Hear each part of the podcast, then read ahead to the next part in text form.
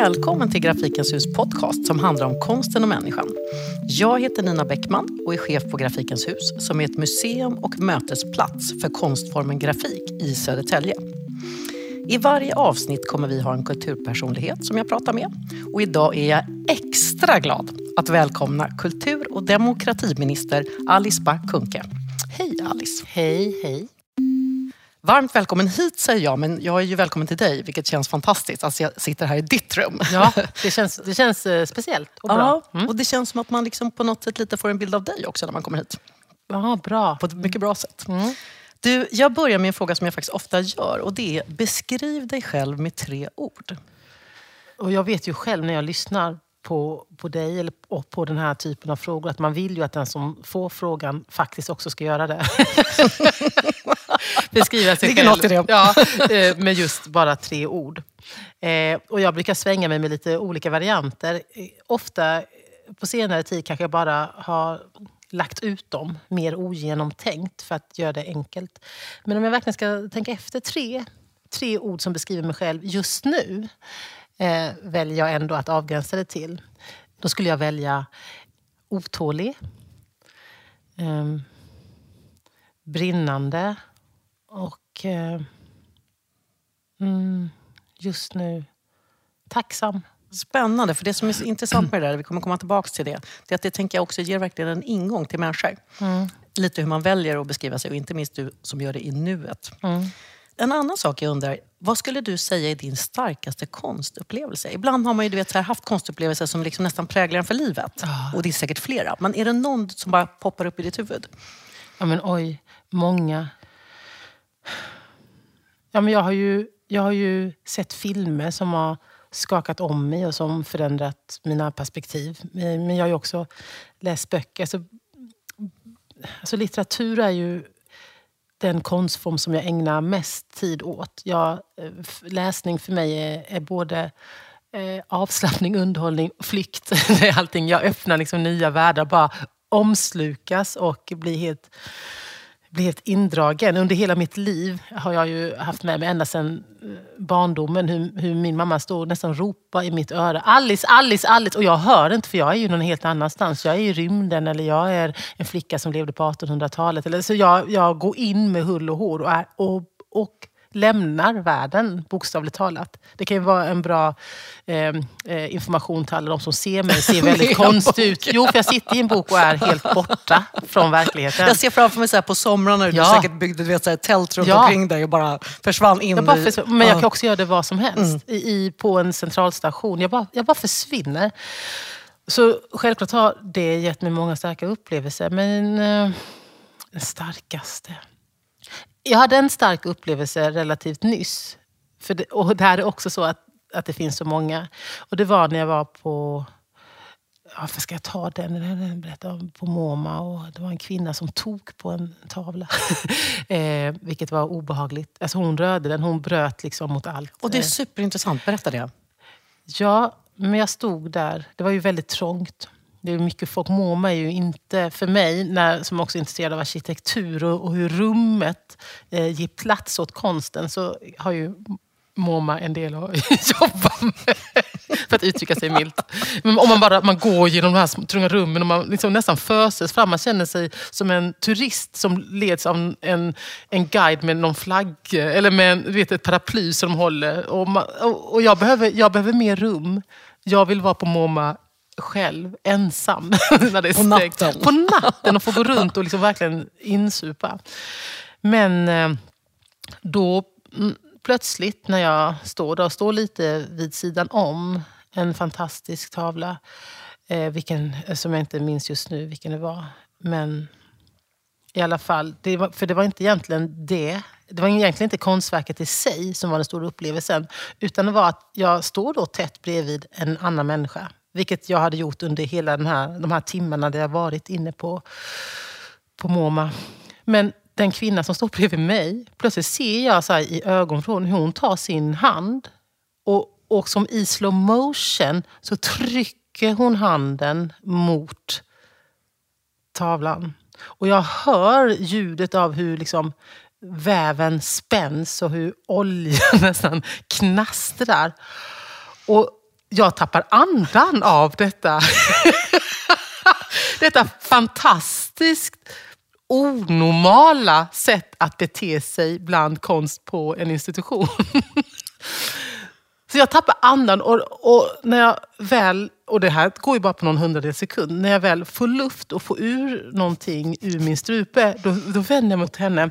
Och jag förstår att jag måste se helt chockad ut och bara skriker No! No!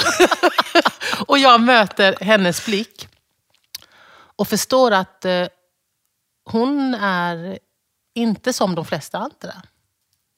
Jag ser i, i, i, i hennes blick att hon blir mer rädd för mig och min starka reaktion än den rörelse och det hon alldeles nyss har gjort. Ja, det, så den här konstupplevelsen eh, blev omskakande på många sätt. Eh, och den har på, jag har tänkt mycket på henne. Eh, hon försvann, sprang iväg. Det kom fram en vakt och frågade mig What, what's happening. Och, sådär. Eh, och jag kunde inte ge uttryck för det, för hon hade redan sprungit och det var ju för sent. och så. Men det har fått mig att reflektera över våra offentliga rum, vem de är för. Också hur vi beter oss med och bland konsten. Det här med att inte röra skyltarna som är ju inte så tillgängliggörande. Hur bjuder vi in det taktila? Ja, så det, det har varit en, en stark påminnelse och det var ju under det har ju skett under de här två åren. Det var en otroligt bra sätt tycker jag, att beskriva en stark konstupplevelse. För jag tänker också att det här att veta hur man beter sig mm. på ett konstmuseum. Många av oss har ju säkert varit på museum med barn mm. och vet liksom vilka svettringar man har under armarna och hur hjärtat klappar mm. när de helt plötsligt inte syns mm. i en utställning som kanske har väldigt mycket där man kan ta på men absolut inte får. Mm. Jag förstår att det måste varit skönt. Jag väntade också nästan på att du skulle säga så här, sen gick larmet, liksom, polisen kom. Mm, men det var ju skönt att höra att det i alla fall inte verkade vara en värsta pådragningen. För man undrar ju också just det där, vad händer också efter en sån sak? Och jag vet ju vad som händer. Därför att jag har ju varit eh, i, under till exempel Moderna Museet där, där de otroligt professionella och kunniga restaurörerna, alltså de som verkligen jobbar med att ta hand om, om konsten. Och vad, som, vad sker faktiskt när en, vilken process, mm. eh, kostsam och eh, oerhört avancerad process som inleds när eh, ett konstverk eh, förstörs. Sant. Ja. Ja, du, det där förstår jag var väldigt starkt. Jag bara rycktes med din berättelse. Jag kände själv hur hjärtat började slå. Du, vi hoppar tillbaka lite i tiden. Kan inte du berätta lite om din uppväxt och bakgrund? brukar jag alltid be alla, för jag tycker det är så spännande att få en liksom inblick i var man kommer ifrån eftersom det är en podcast om absolut konst men också om människan. Mm. Vem man är. Ja, jag eh, gjordes i Malmö. Du ser hur basic. Jag, jag verkligen tar det från fråga. sekunden. Ja. ja. Och det spelar ju ingen roll i det stora hela. Men eh, likväl, jag gjordes i Malmö.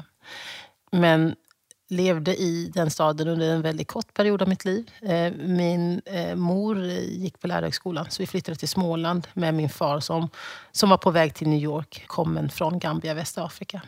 Sen växte jag upp i, mitt i skogen i mitten av Småland. På samma plats, omgärdad av samma ängar, samma skogar. Sprang på samma stigar och, och vägar som min mormor gjort och som min mormor gjort. Och som alla i min släkt på min moders sida har vandrat. Eh, och det har ju förstås präglat mig. Precis vad jag skulle säga. Mm. Hur präglar det en att springa på alla de där ängarna och, och idag sitter jag här mm. och pratar med dig? Ja, det påverkar mitt förhållningssätt till alla de människor jag möter som har flytt sina mormöders stigar och som längtar hem. Det påverkar mig och har präglat också min syn på land och stad och på avstånd. och tror du liksom extra starkt, för att det låter ju som att du växte upp där majoriteten av din barndom, mm, förstår jag ja. rätt?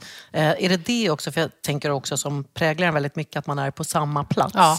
Eh, för det där med stad och land kan jag verkligen tänka mig, eller som det är idag, alltså uppdelat mellan landet och staden. Men just det att det är, man går tillbaka i minnet väldigt mycket säkert. Mm. Här, alla åren var jag när jag var liten. Ja. Och det är en, en, en, erfarenhet och en kunskap som eh, också präglar min politik och det jag tror på och det jag vill. Eh, jag kan ju se och känna vilken styrka det har gett mig. Att vara väldigt trygg i I mitt fall påverkar det både mina relationer till andra människor eh, men också i min eh, känsla av vem jag är och var jag kommer ifrån det är väldigt svårt att rubba mig i den tryggheten. Vilket många har försökt genom livet. Av flera anledningar. Inte minst eftersom jag inte har sett ut som eh, de flesta andra under hela mitt liv. Och det lär ju inte än. det kommer ju fortsätta vara så att jag inte riktigt ser ut som alla andra. Men då har det ju varit en enorm trygghet att vara så grundad i... Jag vet exakt var jag kommer ifrån. Jag kan min historia. Jag kan Smålands historia. Jag kan Sveriges historia. Det är få som kan slå mig där. Eh, Eh, också väldigt kopplad till djuren och naturen. Som vi hade en, en, det finns en, en släktgård där det var djur och hur man arbetar med sin kropp. Eh, hur man är i skogen på vintrarna och hur man har mer fokus på, på annat på, på, på vår, sommar och höst. Så jag är, jag är och förstår också mina begränsningar i min förståelse på grund av hur starkt präglad jag är av just min uppväxt. Ja, intressant. När du berättar det så känner man nästan att det är det där gammelsverige. Mm. Du vet det där när man bodde liksom lite på landet, ja. man, det var jordbruket, det var liksom allt det där. Mm. Eh, som jag kan ju tänka mig, som du säger, det är väldigt många som inte växer upp så idag. Ja, de flesta, på, andra, precis, de flesta gör ju inte det. Nej, att det ser ut på ett helt annat sätt. Där i och för sig vi kan lära av dem, inte minst. Mm. Det här med identitet också kopplat till det här. Mm. Hur skulle du säga att din identitet har liksom förändrats utifrån den position du har idag? Om man, tänker så här, om man bara tänker tillbaka fem år sedan. Mm. Eh, hur den har förändrats? Det här är ju en väldigt bra fråga. ja, no. Nej, alltså den har nog inte förändrats. Och nu tänker jag inte säga att har den förändrats de senaste 10 åren, 20 åren, 30 åren. Fötterna är, jag är ju gammal. Men sådär. Eh, min kunskap om dem har förändrats. Den har säkert fördjupats. Oerhört mycket. Mm. Idag jag är bland annat ansvarig för våra nationella minoriteter. Jag jobbar mycket med frågor som rör urfolket samernas eh, eh självbestämmande och möjligheter. Eh, och hela kulturarvsfrågan kopplat till det.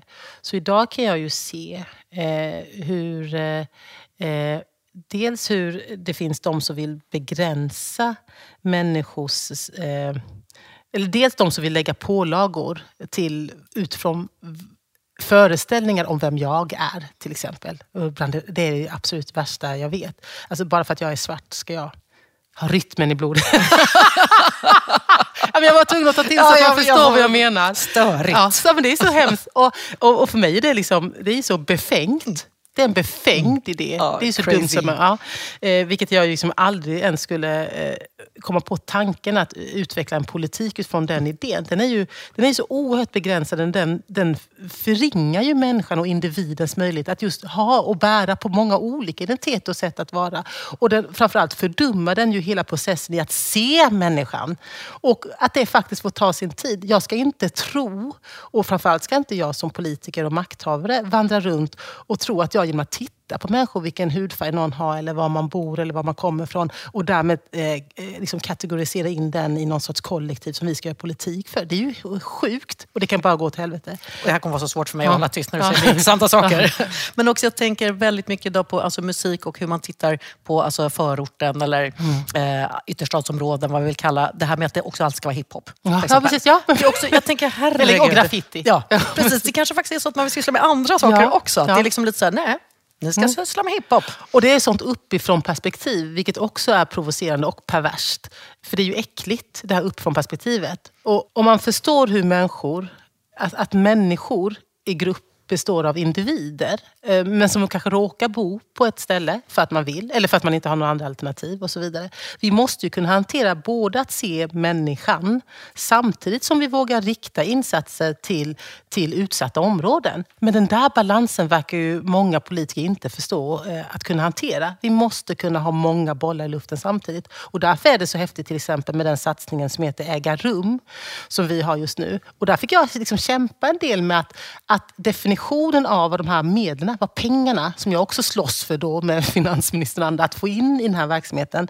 Där fick jag kämpa för att de pengarna ska utgå från de individer, människorna som bor där. Alltså jag är så trött på den här projektsjukan, där man från uppifrån skriver fram, nu ska alla arbeta med rasism, eh, eller just det här specifika området, vad det nu kan vara. Istället se att ja, men någonstans kanske man vill dreja mer. Någon annanstans kanske man vill eh, arrangera möten mellan generationer för att man, man identifierar det som sitt behov, eh, de som är med i det här arbetet.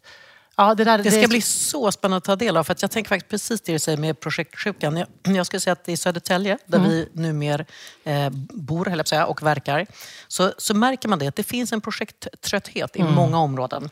För att man känner lite, här kommer någon ha en idé om hur man ska liksom hjälpa till. Eller, det blir väldigt lätt ett sånt perspektiv. Mm. Och jag, jag, tror att många ledsnar lite på det. Medan de till exempel i Södertälje har man ju El Sistema. Ja som ett fantastiskt initiativ ja. faktiskt. Som också verkar över tid. Ja. Jag träffade just eh, Rebecka eh, Törnqvist som driver det. Ja. Som just berättade att de, liksom, vet, hon har träffat vissa av de här eleverna nu, jag tror att det är sju år snart. Ja. Eh, och det tänker jag också är helt underbart det där, att det kan liksom få löpa över tid. För vi mm. lever i en projektorienterad tid. Ja. Och det kan vara häftigt, för ibland mm. kan det vara som en saker som drar igång annat. Men det kan också bli lite utmattande. Ja, precis. Nej, men, ja, men jag förstår absolut att projekt kan ha ett syfte med en början och ett tydligt mm. slut. Men vem som definierar behoven vad, vad de här medlen och vad, hur eh, projektet ska engagera, eh, bjuda in, skapa kreativitet och lösningar på de utmaningar man har. Det måste ju utgå från människorna. Det kan ju inte eh, skrivas fram på ett kontor här i regeringskansliet. Det säger ju sig självt. Och ändå har vi hållit på med det i årtionden. Du, man blir också nyfiken på med dig, så här, alltså dina processer och metoder. Alltså när man hamnar på en sån här post som du har idag. Det borde ju vara så att det ibland går liksom lite långsamt. För jag tänker i, den, i det systemet du befinner dig så mm. kan det säkert inte gå jättefort. Och jag frågar lite grann för att jag själv behöver ofta jobba fram så här, metoder för att kunna arbeta liksom snabbt i långsamma processer. För det är mitt tempo, eller vad man ska säga. Mm. Men hur, hur gör du med det? För jag upplever ju dig som en person med väldigt mycket energi och liksom ett tempo. Mm. Hur går ja. det när man arbetar i en sån här Eh, ett system där det också måste få ta tid. Ja, och jag, blir, jag vill prata mer med dig om det. För jag, alltså när du sa det att du är en person som vill arbeta snabbt i långsamma processer, då kände jag, vad väl uttryckt. För så kan jag också känna. Så jag skulle önska att jag kunde få lite råd. Därför att det är ju en av mina sämre sidor. Alltså jag har ju många bra, vill jag... bra. Jag vill poängtera det. Men jag har ju också en hög med sämre. Och en av dem är ju otåligheten. Och det kan låta som ett koketterande. Ja, jag är otålig. Att det skulle vara något dåligt. Men det är det eh, allt för ofta. Därför att jag lyssnar därför inte hela vägen ut. Så jag får ju jag har mina politiska medarbetare, jag har en politisk stab och sen leder vi många, många tjänstemän. Men min politiska stab som känner mig väldigt väl och känner mina sämre sidor väldigt väl. De får ju hålla tillbaka mig och säga, Nej, men Alice nu måste du backa. Vi behöver inte din eld här just nu. Lyssna ut nu. Se nu processen och varför den behöver ta tid. Och även om jag hör vad de säger, jag kan se, jag kan läsa dokumentet och förstå sammanhanget, hur det ska samspela, varför det tar tid. Så eh, går det inte att med mitt förnuft hacka i mig utan jag får bara smälta det. Jag får bara svälja skiten, lika med tiden det tar. Jag blir oerhört frustrerad. Det är inte min... Så jag ska inte vara i de rummen egentligen. Utan jag ska sen få gå ut och hålla tal till massorna. Eller gå ut och träna, springa någonting för att jag blir ju galen. Så, och, och, och det allvarliga i detta då, att de politiker som jag är och detaljstyr och inte förstår vad är faktiskt min roll. Jag är ju ansiktet utåt. Eh, det känns ju hårt att säga det, men eh, för jag vet ju när jag varit i andra positioner, när jag till exempel innan detta var generaldirektör för myndighet eh, och innan dess var hållbarhetschef, satt i ledningen på ett börsnoterat företag. Jag vet ju när jag är hands-on, eller när jag var generalsekreterare för Fairtrade och stod och liksom packade flygblad i kartonger och stod i tunnelbanan och delade ut rättvisemärkta bananer. Så jag, men nu är inte min roll att vara den där hands-on, att görandet. Jag är ansiktet utåt. Eh, jag får hacka i mig att demokratiska processer tar tid. Det är lagrådsremiss och jag vill bara, men vi, det här är det här vi ska göra. Och sen ska det processas och det är remissrundor och det är beredningar. Och, eh, så mitt, mitt, på den här, det blir ett långt svar på en kort fråga, men på den här frågan, hur gör du? Är jag bara sväljer och hackar i mig och förstår min plats och min roll. Och förstår att om jag inte håller min plats och min roll, då, för, då skälper jag mer än jag hjälper. Och du verkar vara jätteklok att omge dig av bra medarbetare. Ja, som alltid. du lyssnar på. Ja, men alltid. Och sen länge, det, det är alltid mitt så här, eh, tips, eller jag brukar inte ge tips, men det är alltid dela med mig av som en, en del av den framgång jag ändå har, har är en del utav. Eh, det är ju att jag rekryterar enbart, och har gjort det de senaste 20 åren, enbart eh, människor som är smartare än, än vad jag själv är. Det är liksom en sån nyckel. Jag skulle aldrig rekrytera någon som inte är smartare än jag. Sen träffar jag ju ledare som inte gör det. Som tror att det är de som ska vara de smartaste och ska liksom briljera bland sina medarbetare. Nej, nej, nej. Bara smartare än jag. Det är så smart. Det är så smart, ja. just tänker jag. ja. ja. men för jag tänker, då står man aldrig still. Nej, nej, nej. Då kan man bara utvecklas och utvecklas. Ja. Du, en korttidsfråga bara, med ett korttidssvar. Har du något konstverk från barndomen som har påverkat dig mycket? Jag kommer ihåg att jag hade till exempel i mitt rum en sån John Bauer-tavla. Den kan jag liksom innan och utan. Och den har påverkat mig jättemycket inser jag. I mitt sätt att se och läsa bilder som vuxen. Hade du något, det kan vara en matta, alltså det behöver inte vara just ett ja. konstverk. så. Var det något i ditt hem som du ja, känner... Ja, men eh, eh, i konstformen möbel. En, en soffa. En, en, en, eh, en så här, eh, äppelsoffa. en sån tidstypisk eh, soffa med i trä, snideri och, och skinn.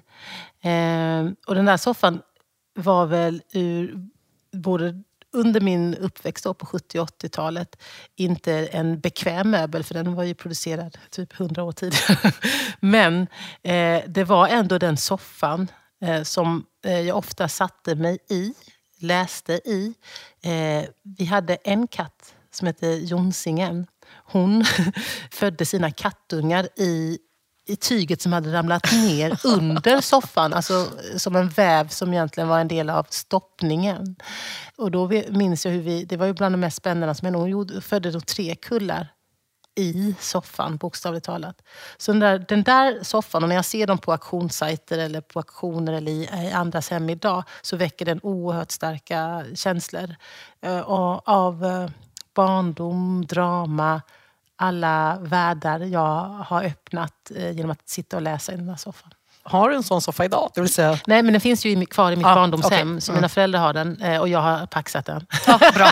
jag tänker så, ja, ja, så det, det, är min soffa. Bra, jag vill att den ska komma hem till dig. Ja, precis, ja. Eh, till slut. Du, vi ska hoppa över till självklart allt det som både du och jag vill prata jättemycket om. Vad är kultur? Oj. Ja, kultur är ju eh, allt. Allt det vi människor gör eh, mellan oss. Materiellt och immateriellt våra sätt att, att leva, vara, minnas. Det som människor gjort, eh, andra människor gjort som var här före oss. Eh, kultur är gränsöverskridande. Kultur är hotat. Kultur är A och O. För mig finns det inget eh, mer eh, allvarligt och samtidigt frustrerande eh, åsidosatt. Det är A och O. Varför är det det, tycker du?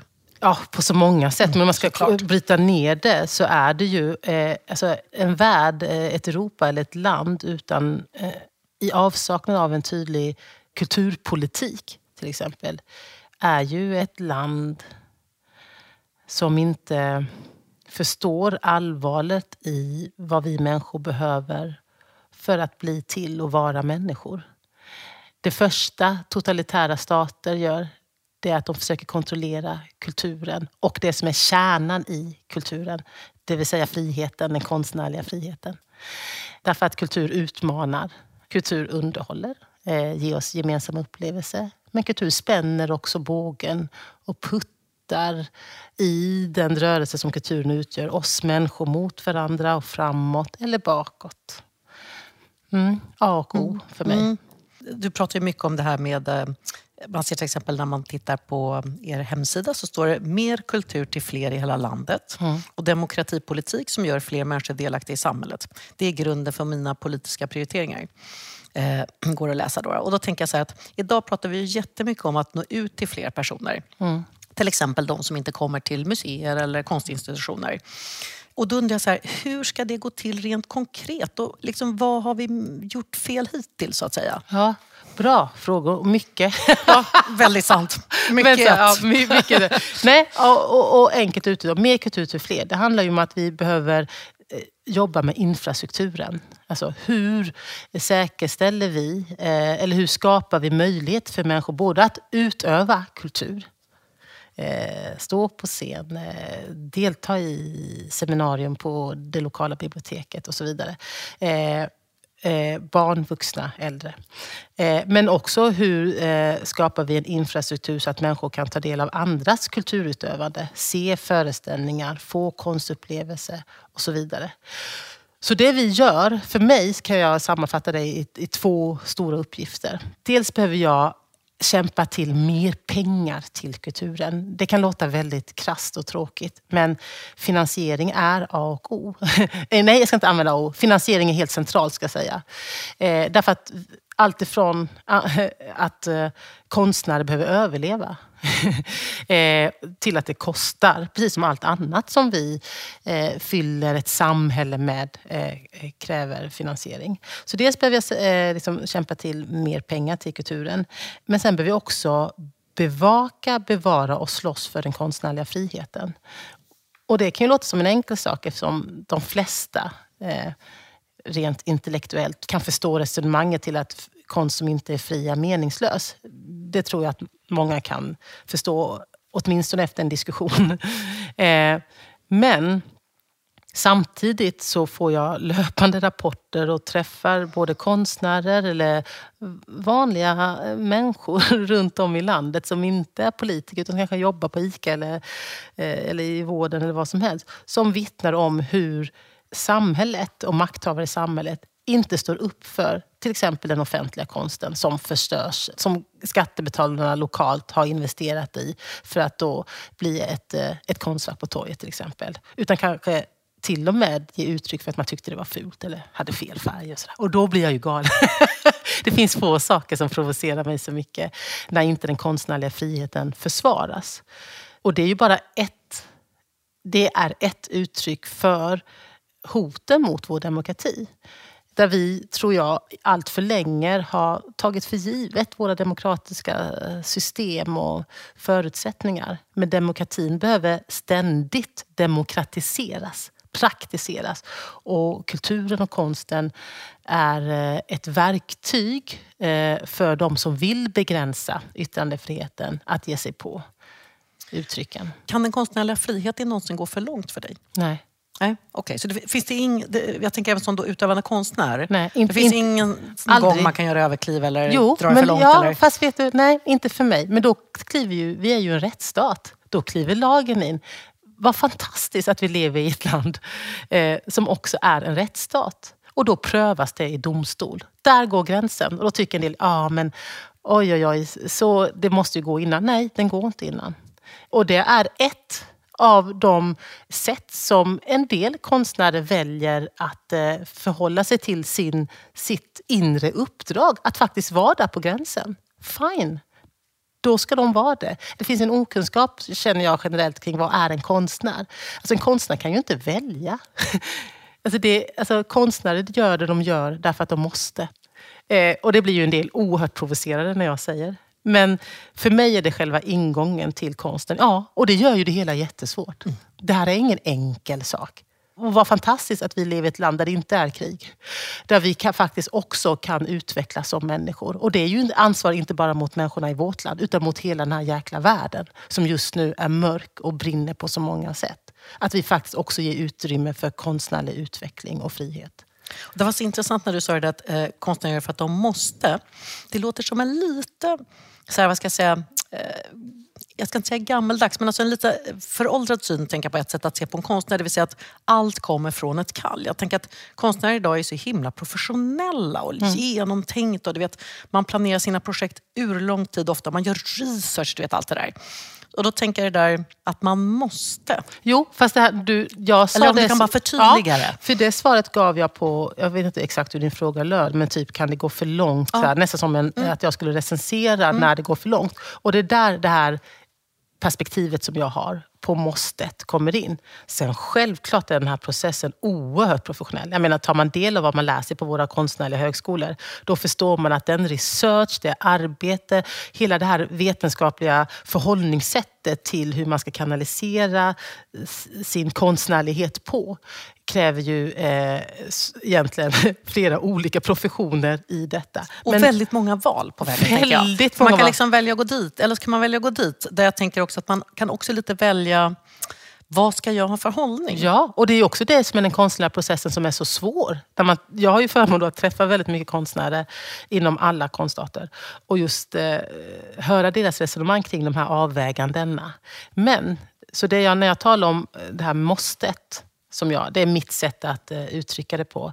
Det är ju sen i det som blir själva resultatet. Eller i alla de fall det inte blir något. Du vet, jag har träffat så många konstnärer nu som och det är ju relativt ny eh, så insikt, inte kunskap, för det har jag förstått sen tidigare, men också den här insikten i hur mycket som vi aldrig får ta del av. Ja men Jesus, jag tänker det är liksom en bråkdel. En bråkdel för att de gör så många val. Eller det blev ingenting. Och, och, vad beror det på? Varför blev det där ingenting som du brann så mycket för? Som du trodde var den här idén som du skulle kunna kanalisera allt ditt professionella kunnande och kall och vad du vill. Så blev det ingenting. Mm. Vad beror det på? Det är mm. jättespännande. Ja, men, och väldigt intressant att också hur, tänker också många konstnärer i tiden har ju liksom varit otroligt produktiva. Hur man liksom också ska du vet, hushålla och ska censurera sig själv eller inte. Men du, jag ska gå vidare. Jag tänker där när vi pratar om att nå ut till fler och många. Så undrar jag ibland så här, hur når vi in? Alltså man pratar ju om att nå ut hela tiden ja. till alla. Men hur når vi in? Hur ja. når vi in till liksom middagsbordet? Mm. Eh, om man nu samlas vid ett middagsbord när man sitter och äter. Eh, hur når vi in i människors liv? Och hur blir vi liksom angelägna på riktigt? det viktigaste är inte att ta del av den kultur som till exempel jag är med och bedriver idag. Det blir väldigt mycket så här, hur får vi alla komma till våra institutioner mm. eller den institutionen där jag jobbar. Mm. Men hur når jag liksom in? Ja. Ja, och, det vill säga inte jag, hur når Grafikens hus ja, in till middagsborden i Södertälje? Ja, oerhört spännande. För det, och du sa ordet angelägenheten. För det är också en sån diskussion som pågår eh, kanske inte så mycket på institutionerna och inte så mycket bland konstnärer, i alla fall inte som jag träffar, det här med representation. Men från andra håll i samhället pågår det. Det finns någon missuppfattning, eh, någon tro eller om det är misstro eller illvilja till att våra eh, institutioner ska representera allt och alla. Vilket ju är en, också en befängd idé. Men att, att göra det man har, ens skatter, ens samlingar, angelägna för så många som möjligt. Det är ju ett uppdrag som våra kulturinstitutioner till exempel har. Och där finns ju de som verkligen har lyckats med eller som gör det eh, bra eller mindre bra. För jag vet ju att, att när jag som i många eh, definitioner svensk, svart, eh, småbarnsförälder eh, och så vidare, storstadsbo just nu, kommen från landsbygden. Jag kan ju dras in på Aitje till exempel. Som är ett museum som, som lyfter det samiska kulturarvet. Jag har inget samiskt i mig. Men det görs på ett sätt som blir angeläget också för mig. Och det där tror jag är eh, svaret på din fråga, att jobba med angelägenheten. Men det kräver frihet för våra institutioner och de professionella som till exempel jobbar på våra museum. Att just ha friheten att och, kunna fördjupa sig i och utveckla eh, hur man blir angelägen idag för de många. Men vilket inte alls är samma som representation, eller att alla ska vara representerade just utifrån sitt specifika. För det är ju en omöjlighet eftersom vi alla är så många och så olika. Och jag tänker samtidigt att det som du tog upp med representationen. Om jag bara blickar tillbaka till oss. Eh, Grafikens hus som startades i Mariefred i Strängnäs kommun. Låg ute på landet, liksom väldigt så här mysig destinationsutvecklingsstad. Eller vad säga. man åkte mm. dit på, på utflykt helt enkelt. Nu har vi, vilket jag är otroligt glad för, flyttat till Södertälje och ska bygga upp vår verksamhet där. Och jag tänker att för att också få människornas förtroende där så måste vi också faktiskt representera vår plats. Kanske också inte minst i förståelsen när vi ska bygga upp det nya Grafikens hus. Mm. Eh, och då är frågan, Jo, fast, Kommer man du... undan representation? Ja, alltså, fast det är lite, oh vad spännande ja, det här ska bli följa. Jag... Ska ni plötsligt bara göra massa syrianska och assyriska grejer? Nej, då? däremot så tänker jag... För det tror ja. inte jag. Alltså, alltså, eh, jag. Jag är inte övertygad om att just det leder fram till att man är angelägen. Eller hur? Eller? Mm, hur nej, men, resonerar nej, men absolut. Nej, vi resonerar snarare så att däremot så tror jag att vi behöver spegla som Sverige ser ut idag både i Södertälje och på många andra ställen. Mm. För det tänker jag väldigt ofta görs lite för lite. Och då tänker jag allt ifrån faktiskt vilka sitter i vår styrelse?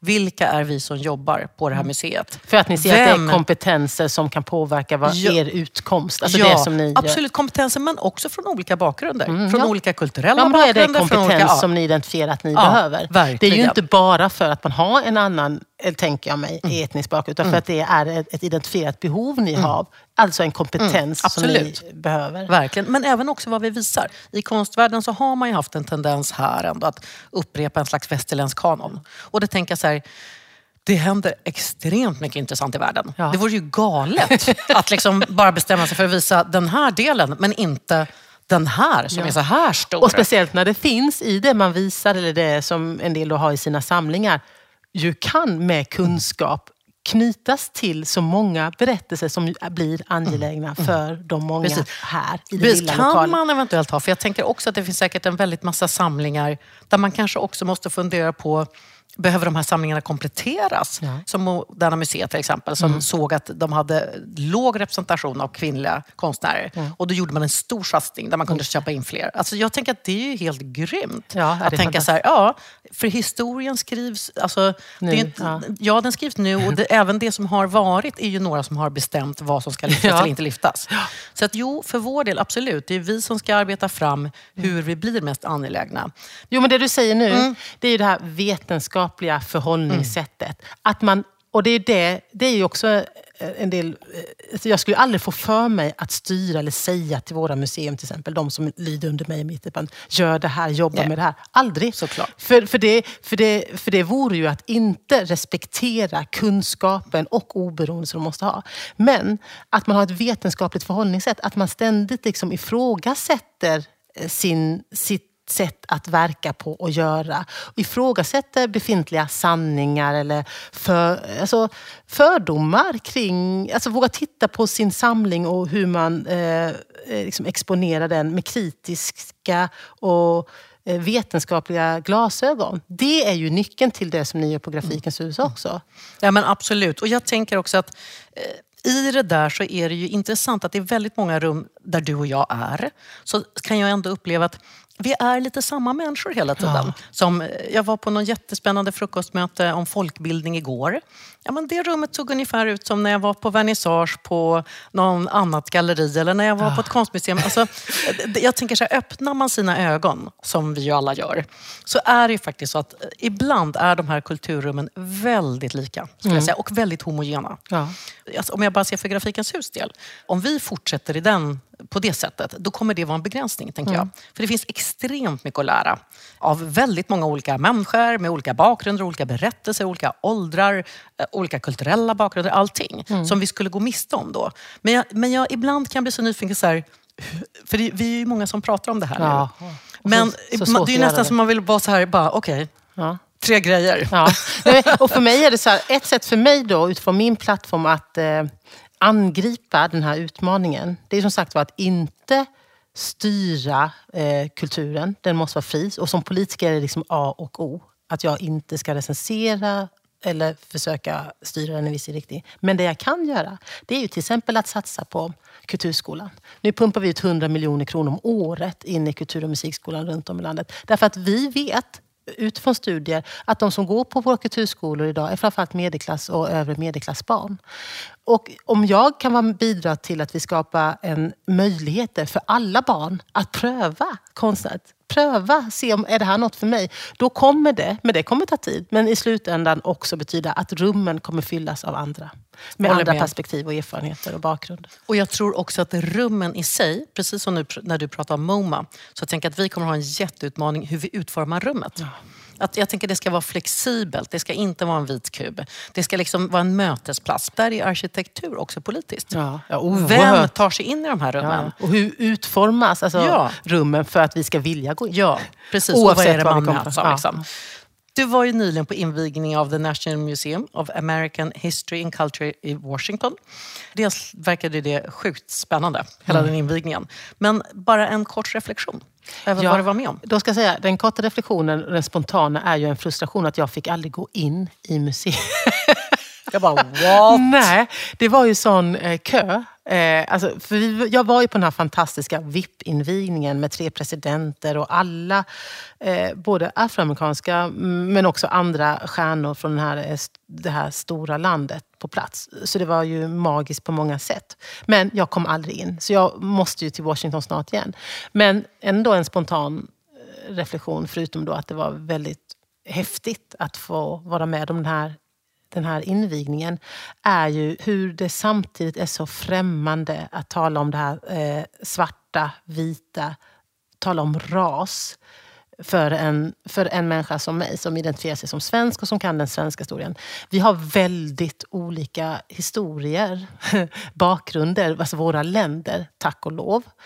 Samtidigt kan jag ju se så tendenser och speciellt kan jag ju se hur inte minst civilsamhällets organisationer ta sig an retorik och sätt att driva frågor på direkt taget ur en populärkulturell afroamerikansk kontext. Vilket inte bär hela vägen i alla fall inte hos mig som politiker och eh, ja, samhällsbyggare också vid sidan om eh, dessa eh, civilsamhällesaktörer. Och samtidigt så finns det utmaningar som är lika vad det gäller rasism och diskriminering. Så ja, det kanske inte blev så, så kort spontan reflektion men eh, ja, det finns mm. mycket att lära men jag tror man måste påminna sig om att det är väldigt mycket som är väldigt, väldigt olika. Och vi kan inte eh, på ett enkelt sätt översätta vad som just nu sker i USA med dödsskjutningar etc. till eh, ett svenskt sammanhang. Men precis, vi kan säkert lära en hel del av det. Mycket att lära, mm. mycket, mycket mm. att lära. Men att de är olika, absolut. Men om du var chef på Grafikens hus, vad skulle du göra då? Oj, nej. Eh, och det Nej. Eller vad skulle du ge mig för... Man kan ju alltid tänka så här, alltså i ledarskap. Vad tycker jag ska tänka på i mitt ledarskap? Förutom att anställa folk som är smartare än jag själv. Den tar jag helt med mig. Eh, alltså, jag tycker att, att ni, att du som leder en kulturinstitution, du har ju det viktigaste jobbet i det här landet. Och inte minst just nu, i de tider vi lever i. Så ja, det enda du som jag känner, så här, känner mig mån om att du fylls av är ju mod mod att, att våga vara det eh, ni är och ska vara. Och, och verkligen bottna i liksom, uppdraget. I hela angreppssätten. Och stå emot alla mörka krafter som försöker begränsa kulturen och konsten till att, till att vara något statiskt, fast. Bara kör på så inåt. Alltså. Passar mig utmärkt. när du öppnar dörrarna till Grafikens hus i Södertälje, ja, vi säger att när, när vi öppnar 2018 är vår plan. Vad vill du möta dig då? Oj. Ja, det ska bli väldigt spännande. Eh, ja, men jag vill ju mötas av det här rummet. Det är ju en av de häftigaste känslorna som finns när man för första gången går in i ett rum. Eller också när man går in i ett rum och märker att det har förändrats sen man var där sist. Men jag vill möta det här rummet och jag vill... Jag har ju väldigt höga krav. jag vill ju få perspektiv, jag vill, bli, jag vill uppleva. Jag vill, jag vill, och det här är, nu ber jag mycket, men jag vill... Ja, gör det. Ja, det är bra. Jag vill utvecklas. Mm. Men du, i tidigare avsnitt eh, så var Sadia Hussein här konstnär och konstaktivist som hon kallar sig, som vi har jobbat med i Södertälje. Och hon har en fråga till dig. Jag skulle vilja fråga henne vilka liksom satsningar som hon ser, som hon planterar, som kommer bära vidare. Hur aktivt medveten är hon om, om tiden och men problemen? Hur de i liksom långa loppet ska leva och eh, förändras. Det är min fråga. Mm. Eh, fin fråga. Och Eh, viktig fråga. Jag tänker väldigt mycket på tiden. Och det är ju ont i mig när hon säger att jag har kort tid på mig. För det är sant. Och det måste jag ju acceptera. Eh, jag, eh, jag tänker varje dag på, och detta är helt ärligt, att jag måste göra skillnad varje dag i varenda möte. Jag är oerhört fokuserad. Jag har aldrig varit så fokuserad i något annat uppdrag jag tidigare haft i hela mitt liv. Så tiden är jag fullt medveten om. Och, och, dessutom, det är ju inte bara det att jag har de här fyra åren, varav två år nu kvar på den här mandatperioden. Och sen kan det ju bli en mandatperiod till. Men det är ju vad jag säkert vet. Jag kan ju också dö imorgon. Man kan ju bli påkörd eller vad som helst. Så att jag tänker väldigt mycket på att akta tiden och säkerställa att jag gör rätt saker. Och det som jag eh, verkligen då vill säkerställa att jag har gjort under den begränsade tiden här egentligen eh, meningslösa i det stora hela stund som jag fick vara kultur och demokratiminister i, i Sveriges regering. Det är ju att, att jobba med att skapa förutsättningar. Och då, blir, då kan det konkretiseras bland annat i kulturskolan. Den behöver vi verkligen säkerställa. Den, den är liksom ett, ett av naven i en, en, en fantastisk nerv i att skapa möjligheter. Eh, för konsten och människorna i vårt samhälle. Så jag tror det är en av de sakerna som jag verkligen kommer lämna efter mig. Alltså, tack så otroligt mycket för att du ville vara med, Alice Bakunke. Tack, tack. Eh, var kan våra lyssnare följa dig? De kan följa mig på, på Instagram. Eh, det är det i dagsläget allra bästa. Sen kanske Jag det blir instämmer. fler, ja, och det kanske blir fler plattformar. Det kan komma nyheter inom kort. Jag hoppas på att få göra en uppföljning med ett samtal nästan bara runt Instagram. Ja. Det tänker jag är del två i Ja. vår podcastserie. Tack till alla er som lyssnar. Den 12-16 oktober kan ni besöka Grafikens hus på Affordable Art Fair i Nacka strand där vi ställer ut och säljer konst. Annars följer ni oss bäst på det vi gör på www.grafikenshus.se. Ni kan gilla oss på Facebook och Instagram så ser ni hur vi kommer att bygga upp ett nytt museum i Södertälje och alla projekt vi gör fram till dess. Hej då! Hej då!